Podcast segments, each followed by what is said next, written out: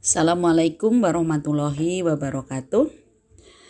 Anak-anak, bertemu lagi dengan saya Dwi Suyanti dalam pelajaran bahasa Indonesia. Hari ini tidak terasa sudah memasuki bulan Februari. Jadi kita belajar di semester genap ini sudah satu bulan.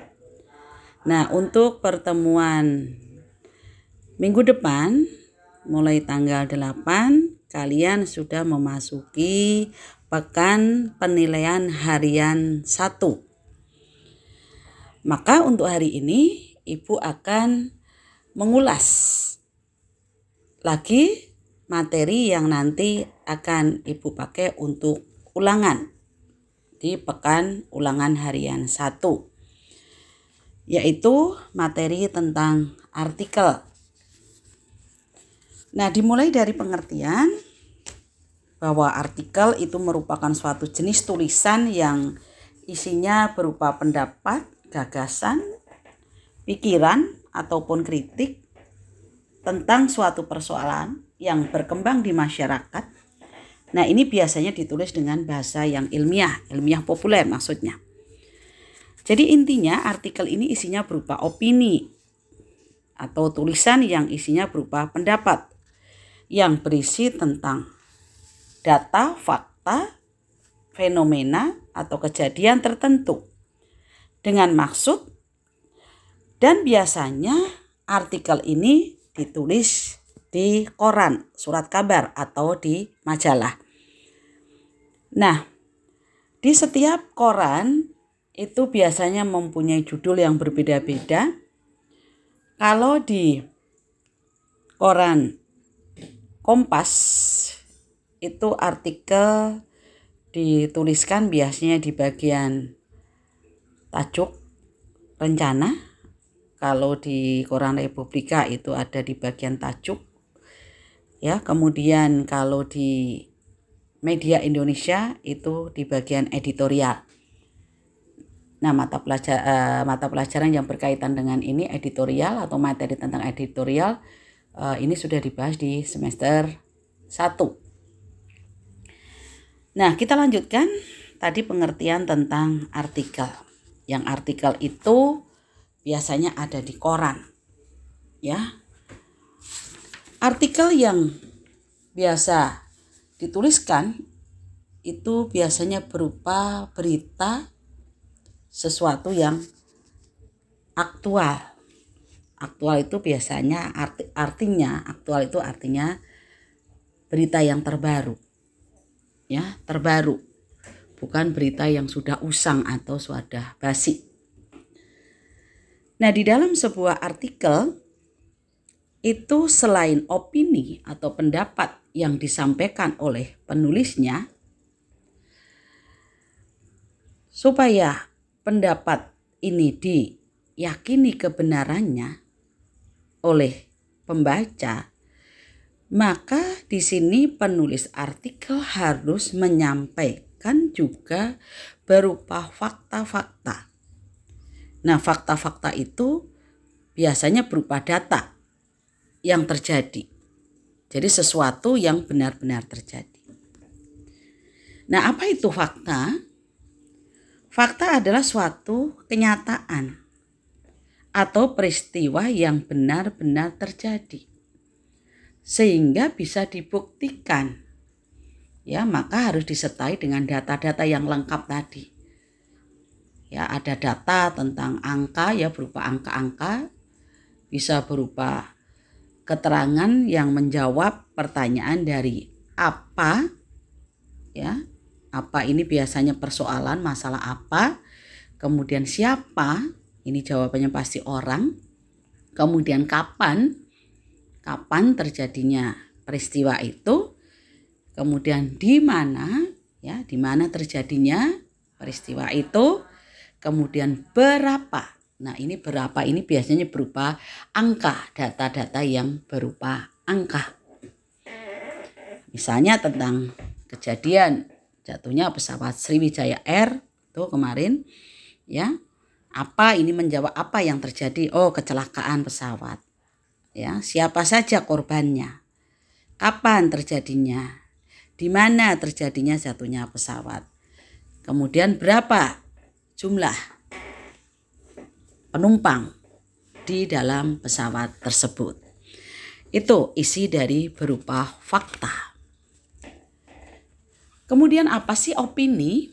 Opini yaitu pendapat ya pendapat atau pikiran atau pendirian seseorang yang ini belum bisa dibuktikan kebenarannya. Namanya juga baru pendapat. Bisa terjadi, bisa tidak. Nah, ini biasanya ditandai dengan penggunaan kata-kata misalnya akan ya, akan terjadi gelombang tsunami di daerah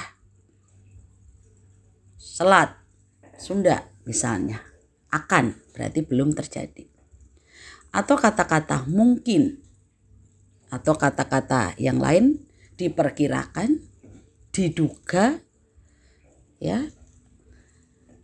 Kemudian pendapat mengatakan misalnya menyebut nama orang kemudian berpendapat misalnya Bapak Wali Kota Bekasi berpendapat ya atau mengatakan bahwa nah itu baru berupa opini ya berarti belum terjadi sesuatu yang belum terjadi.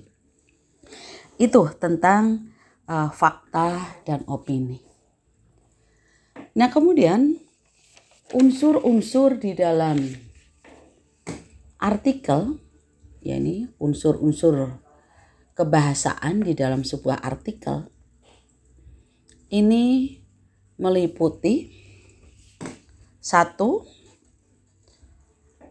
adverbia. Apa itu adverbia? Adverbia yaitu kata keterangan. Artinya suatu jenis kata yang sifatnya memberikan keterangan atau penjelasan terhadap kata kerja. Kata kerja itu disebut dengan verba, kemudian berupa kata sifat atau adjektif maupun kata bilangan. Nah, jenis-jenis adverbia ini ada keterangan tempat. Ibu ambil contoh pada kalimat ayah sedang duduk di teras. Nah, di sini keterangan tempatnya di teras. Adik berangkat ke sekolah. Keterangan tempatnya ke sekolah. Yang kedua, keterangan waktu. Contoh dalam kalimat, besok siang saya berangkat ke Surabaya. Keterangan waktunya besok siang. Ibu pergi ke rumah nenek kemarin sore. Kata kemarin sore ini merupakan keterangan waktu. Yang ketiga, keterangan alat. Contoh dalam kalimat Rian memukul bola dengan tongkat. Nah, di sini dengan tongkat ini merupakan keterangan alat. Ayah memotong kayu dengan gergaji. Dengan gergaji ini merupakan keterangan alat. Nah, yang berikutnya yang keempat yaitu keterangan syarat. Contoh di sini keterangan syarat yaitu ada kata seandainya, kemudian asalkan, jika, apabila, ya itu berupa keterangan syarat. Misalnya dalam kalimat jika saya lulus dengan nilai bagus, ayah akan memberikan motor. Nah, di sini syarat ya, jika. Jadi menyatakan syarat. Yang berikutnya yang kelima yaitu keterangan sebab. Ini kata yang menyatakan sebab yaitu ada kata karena, kata sebab, oleh sebab itu atau oleh karena itu. Ini keterangan sebab. Misalnya di dalam kalimat, hari ini Ani tidak masuk sekolah karena sakit. Nah, ini keterangan sebab. Berikutnya, unsur kebahasaan yang lain di sini ada juga adverbia yang bersifat frekuentatif. Adverbia frekuent, frekuentatif. Ini menunjuk pada tingkat kekerapan terjadinya sesuatu atau terjadinya peristiwa. Nah, apa itu adverbia frekuentatif? Contohnya ya. Ada kata selalu, ada kata biasanya, kemudian ada kata sering, ada kata kadang-kadang, ada kata jarang. Contoh dalam kalimat, dia sangat jarang sekali hadir di sini. Atau misalnya dengan menggunakan adverbia yang lain, misalnya kata sering, anak itu sering menangis di tengah malam. Itu contoh untuk penggunaan adverbia frekuentatif dalam kalimat. Kemudian unsur yang kedua, kalau tadi unsur yang pertama itu adverbia atau kata kerangan, unsur yang kedua yaitu penggunaan konjungsi. Konjungsi yaitu kata penghubung. Fungsi konjungsi atau kata penghubung yaitu menghubungkan antar kata dalam kalimat kemudian antar klausa atau antar kalimat dan antar paragraf. Nah, untuk jenisnya konjungsi ini cukup banyak. Yang pertama ada konjungsi yang menyatakan syarat. Konjungsi menyatakan syarat. Contohnya apa? Konjungsi yang menyatakan syarat. Jika apabila seandainya yang kedua konjungsi yang menyatakan penggabungan. Itu ada kata dan serta lalu. Yang ketiga ada konjungsi yang menyatakan tujuan Contohnya ada kata agar, kemudian ada kata supaya.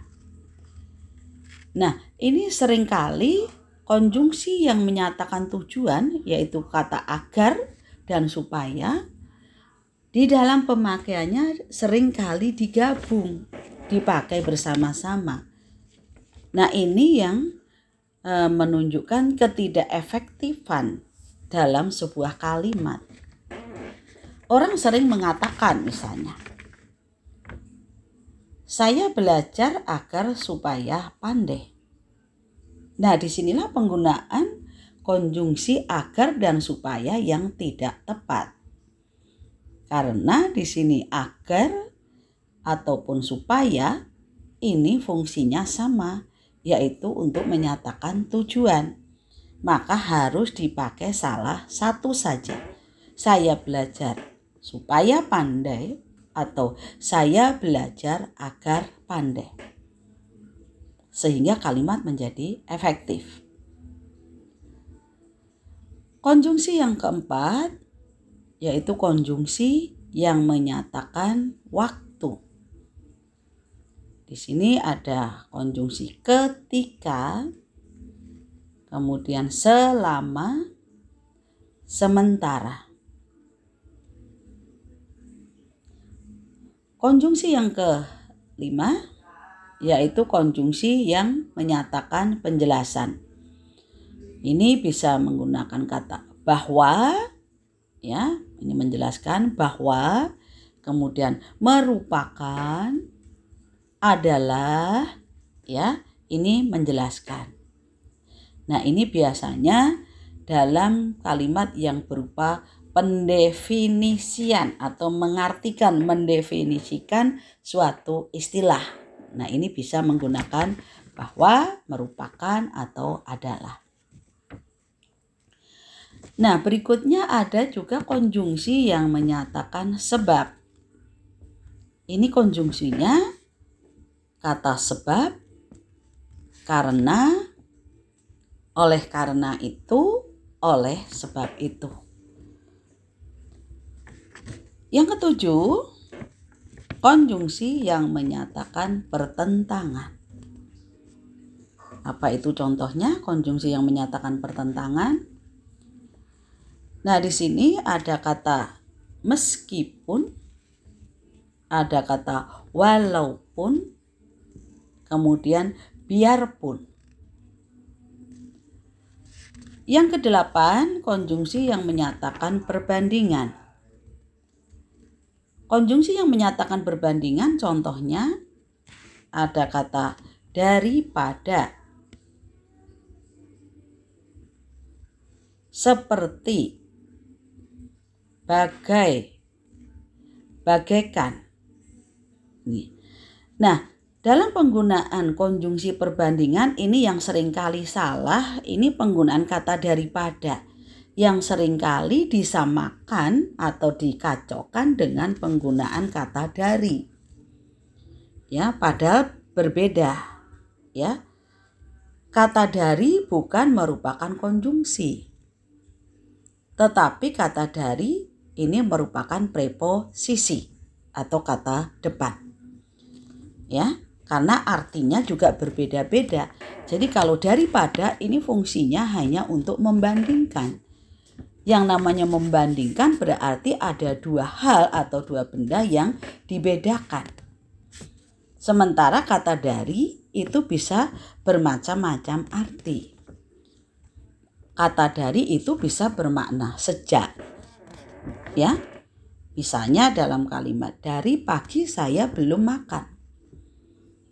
Jadi sejak pagi saya belum makan atau dari kecil dia ikut neneknya itu artinya dari yaitu sejak. Bisa juga menyatakan bahan kata dari itu.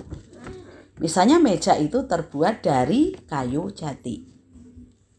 Bukan meja itu terbuat daripada kayu jati, ya, itu salah. Jadi meja itu terbuat dari kayu jati.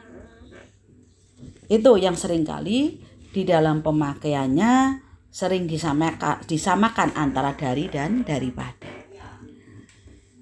Kita lanjutkan yang ketiga unsur kebahasaan. Yang ketiga yaitu kosa kata. Apa artinya kosa kata? Kosa kata artinya perbendaharaan kata. Nah, bagaimana kita supaya perbendaharaan kata kita itu banyak? Nah, modal utamanya biar perbendaharaan kata kita banyak, kita harus banyak membaca tentunya. Karena yang namanya kosakata itu selalu bertambah. Kalian bisa lihat bandingkan KBBI Kamus Besar Bahasa Indonesia yang itu isinya berupa kosakata itu setiap tahunnya, setiap bulan atau mungkin bahkan setiap hari kosakata itu selalu bertambah. Nah, ini dengan modal membaca maka kalian akan bertambah kosakatanya. Seandainya misalnya kalian membaca, menemukan istilah atau kosakata yang kalian tidak paham artinya, maka harus segera cari di KBBI. Nah, kalian tidak perlu harus mencari kamus besar bahasa Indonesia yang tebal seperti itu karena semuanya sekarang sudah ada di HP kalian ya kamu bisa nanya dari situ dari Google atau bisa dari uh, eh, KBBI online nih jadi uh, kalau ingin kosakatanya banyak ya harus banyak membaca nah penggunaan kosakata ini harus disesuaikan dengan berita atau artikel yang disampaikan. Jadi materi apa yang sedang dibahas di dalam artikel tersebut. Kita ambil contoh misalnya kalau yang disampaikan artikel itu tentang peristiwa gunung yang sedang meletus, maka istilah-istilah atau kosakata yang muncul di dalam gunung meletus misalnya ada kata lahar, ada kata erupsi. Kemudian kalau misalnya masalah banjir yang dituliskan di dalam artikel itu, maka muncul misalnya ada kata-kata atau istilah evakuasi, misalnya korban banjir sedang dievakuasi. Ya, dipindahkan artinya. Kemudian ada muncul misalnya ada kata reboisasi, penghijauan kembali ya, reboisasi. Kenapa muncul di permasalahan tentang banjir? Biasanya banjir itu terjadi karena hutan-hutan yang sudah pada gundul, maka perlu direboisasi. Seperti yang terjadi di Kalimantan beberapa minggu yang lalu. Kemudian adanya pembalakan liar, misalnya. Nah, di sini supaya teks artikel yang ditampilkan itu meyakinkan ya untuk meyakinkan pembaca maka artikel yang ditampilkan itu harus menarik. Bagaimana supaya menarik? Nah, supaya menarik artikel yang ditampilkan atau berita yang ditampilkan di situ harus yang aktual dan fenomenal. Artinya aktual tadi berita yang hangat, yang baru, permasalahan yang sedang terjadi ya baru-baru saja terjadi, kemudian fenomenal ya sesuai dengan gejala alam yang ada yang terjadi fenomenal yang terjadi di masyarakat. Demikian anak-anak pembahasan hari ini mengingatkan kembali, mereview kembali materi pelajaran yang sebelumnya yang sudah pernah kita bahas untuk persiapan penilaian harian satu yang dimulai nanti tanggal 8 insya Allah. Selamat belajar. Semoga kalian bisa mendapatkan nilai yang bagus sehingga tidak perlu harus remedial. Tetap semangat. Semoga kalian tetap sehat. Dan Ibu akhiri Assalamualaikum warahmatullahi wabarakatuh.